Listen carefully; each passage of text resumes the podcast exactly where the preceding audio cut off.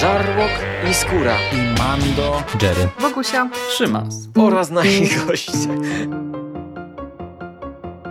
Konglomerat podcastowy. Wasze ulubione podcasty w jednym miejscu. Zapraszamy. Zapraszamy. Zapraszamy. zapraszamy. Zapraszamy.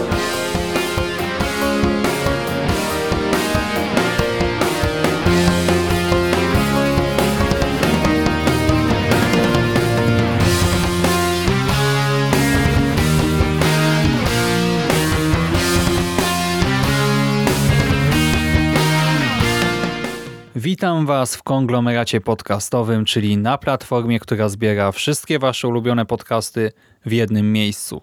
Ja nazywam się Szymon Cieśliński. Możecie kojarzyć mnie jako Szymasa z bloga Necropolitan, a dziś chciałbym Wam tutaj w konglomeracie opowiedzieć o filmie Najlepszy z 2017 roku.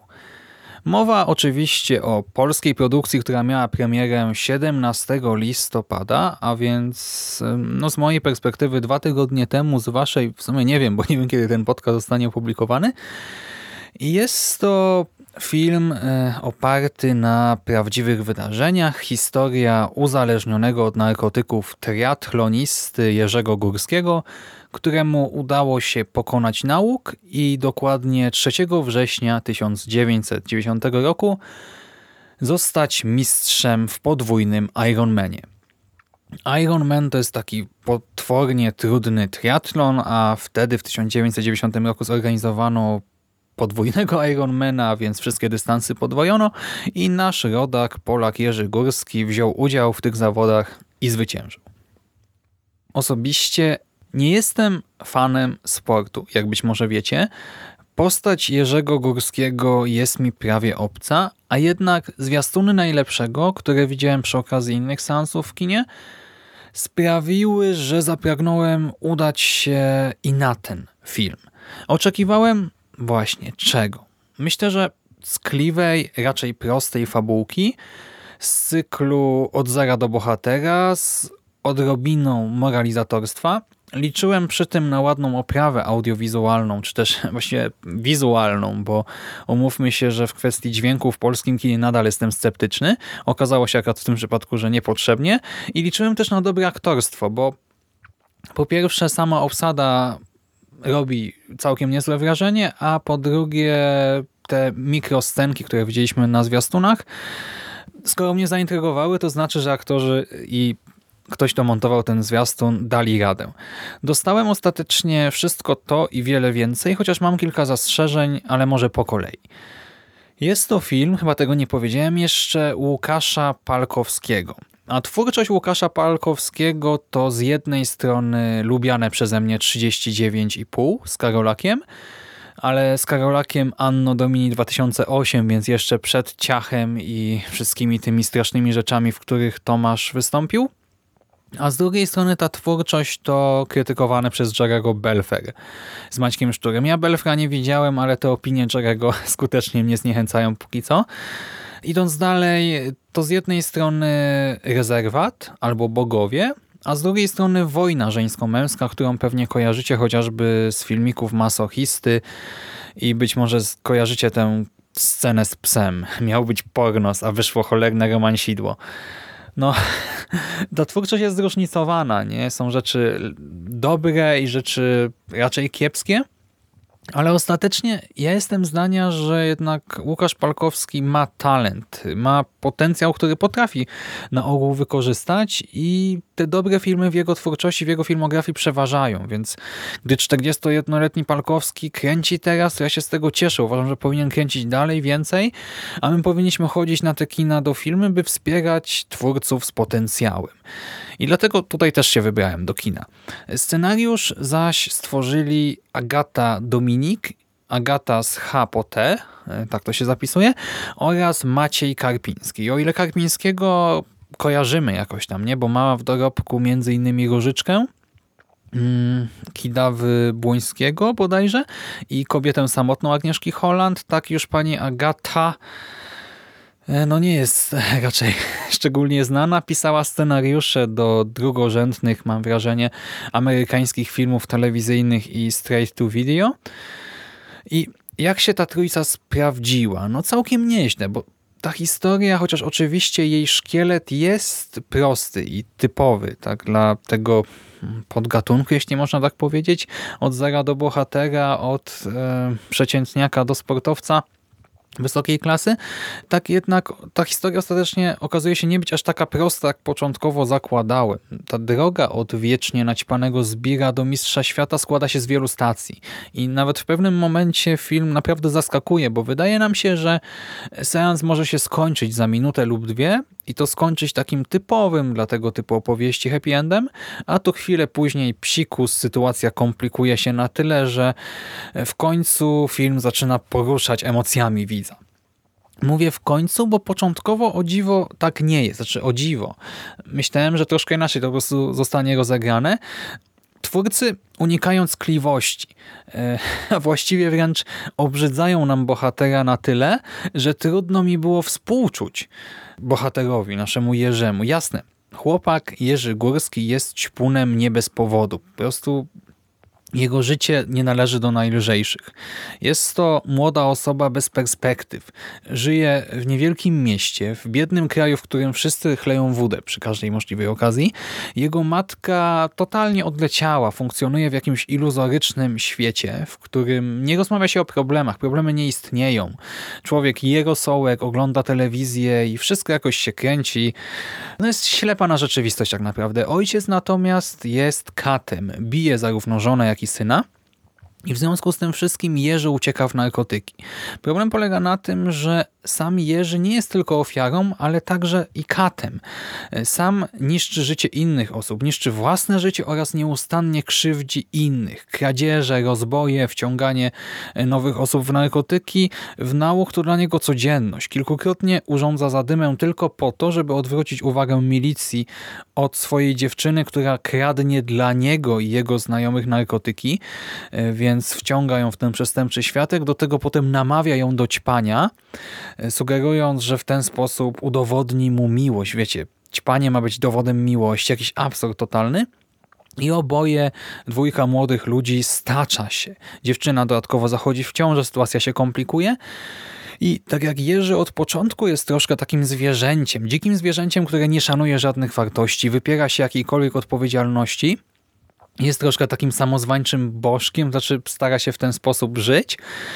Z biegiem czasu staje się czymś jeszcze gorszym, takim typowym ludzkim śmieciem dosłownie i w przenośni. Kiepska sytuacja rodzinna nie jest tutaj wymówką, usprawiedliwieniem dla tego wszystkiego, bo wiecie, idąc tym tropem, że Jerzy jest zły, bo nie wiem, jego ojciec jest zły, można powiedzieć, że ojciec jest zły, bo jego ojciec był zły, czy tam, nie wiem, coś innego się jeszcze wydarzyło. Tak samo, nie wiem, matka się odcina, bo mąż, czy może jej w dzieciństwie też się coś złego przydarzyło, to można by tak ciągnąć nieskończoność i Chociaż film daje nam ten kontrast i niby sugeruje, że przemoc rodzi przemoc, to jednak na szczęście nie usprawiedliwia Jerzego. I nasz młody bohater jest taką jednostką, która nie wzbudza naszej sympatii. Niekoniecznie kibicujemy mu nawet w tej walce z nałogiem, ale pomimo wszystko interesuje nas to, jak potoczą się jego losy.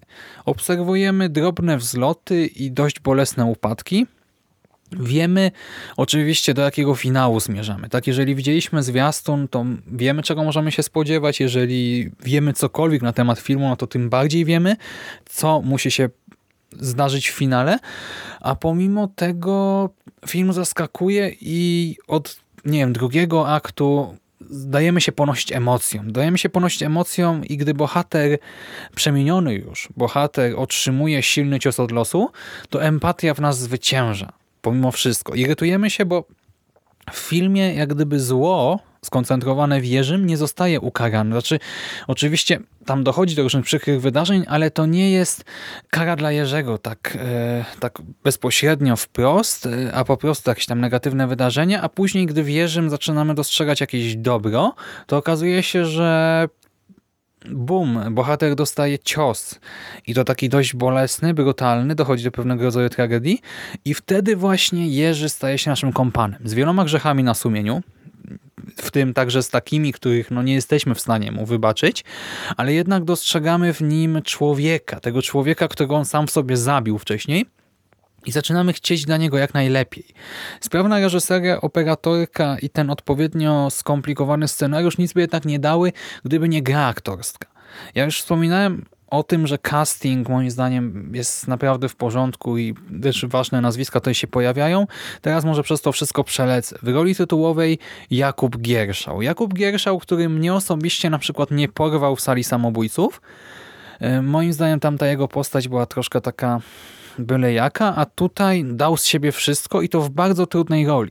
Aktor musiał wcielić się z jednej strony w tego amoralnego narkomana, który stacza się coraz bardziej na dno, y, który jest zniszczony psychicznie i fizycznie, później w takiego złamanego młodego człowieka, który próbuje się podnieść, ostatecznie staje się ambitnym sportowcem i dodatkowo aktor wcielał się także w taką demoniczną personifikację samego nałogu, gdyż e, twórcy poszli w tym kierunku, by obrazować tak dość bezpośrednio tę walkę z samym sobą, nie? Tego człowieka, który stara się być czysty ze swoim głodem narkotykowym, z tym głosem w głowie, który nakazuje mu namawia go do powrotu do nałogu. I Jakub Gierszał podołał temu zadaniu. Tak sprawdził się w każdej z tych roli całkiem nieźle. Idąc dalej, Magdalena Cielecka jako izolująca się od rzeczywistości matka, czy Artur Żmijewski jako ojciec Kat tworzą bardzo ciekawy duet. Tutaj Artur Żmijewski dość mocno mnie zaskoczył, bo wiecie, ojciec Mateusz z jednej strony, a z drugiej strony właśnie ojciec Kat, taki brutal e, w rodzinie. E, no to było ciekawe doświadczenie w kinie. Zobaczyć coś takiego. Kto dalej? Ania Pruchniak jako Grażynka, uległa dziewczyna Jerzego. Kamila Kamińska jako pielęgniarka z misją, osoba, która pomaga Jerzemu stanąć na nogi. Arkadiusz Jakubik jako taki prosty facet, kierownik basenu, jednocześnie trener chłopaka. Wszyscy oni są pewnego rodzaju lustrami, od których odbijają się kolejne twarze głównego bohatera i te ich role zostały napisane całkiem sprawnie i aktorzy też się tutaj sprawdzili w nich. Wątki kobiece moim zdaniem mogłyby być jeszcze troszkę bardziej rozwinięte. To nie jest tak, że jest ich mało, ale mogło być tego ciutkę więcej. W filmie zobaczymy też między innymi Janusza Gajosa. I to Janusza Gajosa w takiej naprawdę genialnej, poruszającej roli Marka Kotańskiego. Świetny casting. Naprawdę Janusz Gajos jako Kotański to jest coś, co zapada w pamięć. I pojawia się to tutaj także wiecie, Palkowski, Tomasz Kot. I Tomasz Kot gra takiego prostego przedstawiciela miejscowego klubu sportowego i to jest akurat rola do zapomnienia raczej. Nieszczególnie do mnie przemówiła, no i też jest w gruncie rzeczy no niewielką rolką w całym tym filmie. Za to na osobny segment w podcaście zasługuje Adam Woronowicz, który wciela się w ojca Grażyny, w ojca dziewczyny Jerzego i jest to rola bardzo trudna, nawet nie wiem, czy nieporównywalnie trudna z tą Jakuba Gierszała. Dlaczego?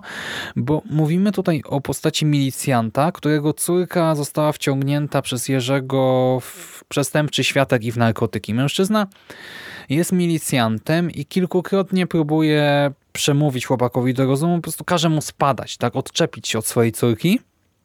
A chłopak za każdym razem go ignoruje z perfidnym uśmieszkiem na twarzy i ostatecznie postać grana przez Waronowicza nadużywa władzy, nadużywa swojej władzy jako milicjant, by ostatecznie odstraczyć chłopaka. I powiem wam, że e, chociaż e, ta scena niby pokazuje nam taką negatywną wizję e, tutaj milicji, ale ogólnie służb mundurowych, tak ja widząc ten perfidny uśmieszek na twarzy Gierszała, czy też Górskiego, pomyślałem sobie, że no kurczę, na miejscu Woronowicza, tak tego milicjanta, sam wsadziłbym chłopakowi worek na głowę i wywiózł go do lasu. No bo przykro mi, ale jak inaczej zareagować na taką sytuację? Jak ojciec może pozwolić, by jakiś gnojek niszczył życie jego córce? Tak jak jakiś gnojek dosłownie wpędza ją do grobu, no w najlepszym wypadku do więzienia. No to było też poruszające. To był w ogóle dobry, mocny wątek w całym tym filmie. Jeden z najlepszych, najciekawszych. I co mogę powiedzieć? No aktorska ogólnie na plus y, nie mam się tutaj czego za bardzo przyczepić, ale jeżeli już mam przejść do jakichś minusów, to do głowy przychodzą mi dwie rzeczy. Po pierwsze, taki czasowy, miejscowy brak subtelności, a po drugie bardzo mocne stargetowanie na szeroką publiczność, na masowego widza.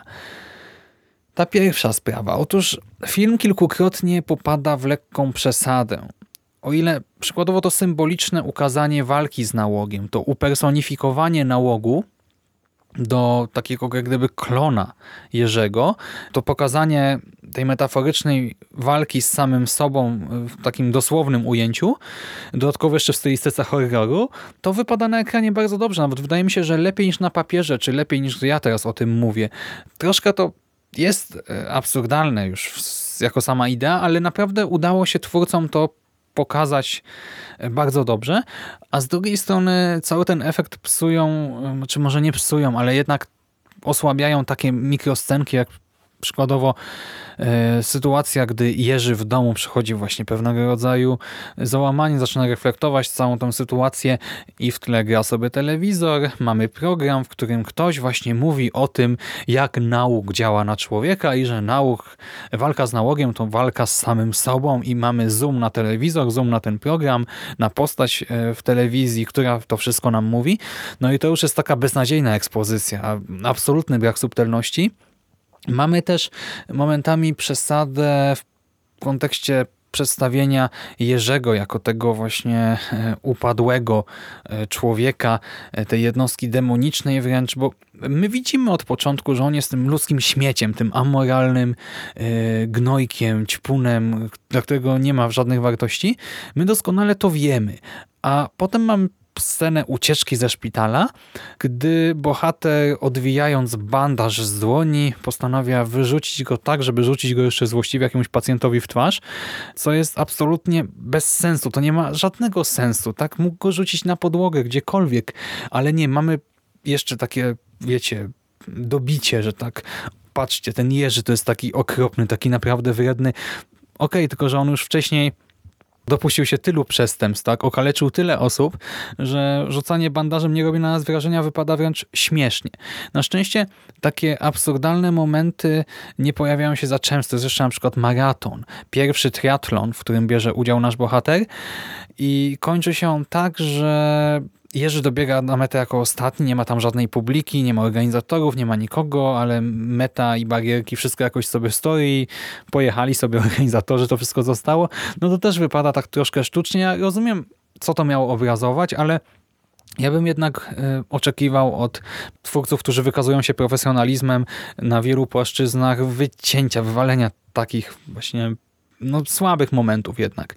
No i w związku z tym też muszę zauważyć, że czuć w tym filmie mocno, że jest skierowany do odbiorcy masowego.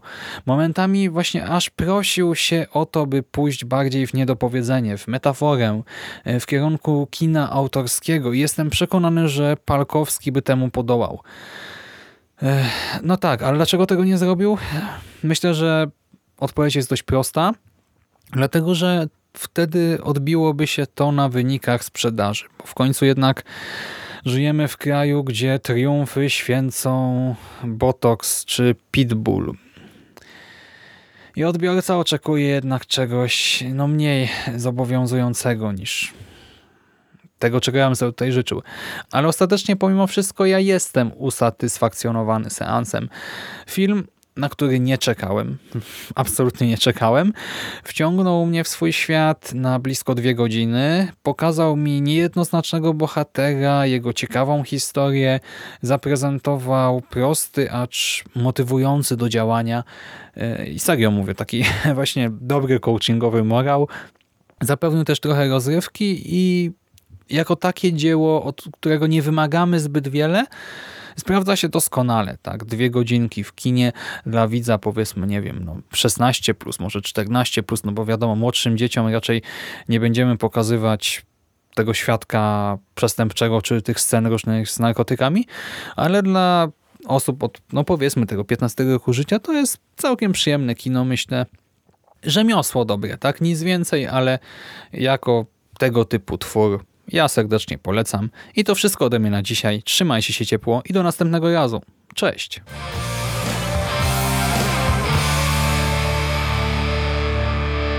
You finished? That's it, man. Game over, man. It's game over. What the fuck are we gonna do now? What are we gonna do? It's over. Nothing is over! Nothing! You just don't turn it off!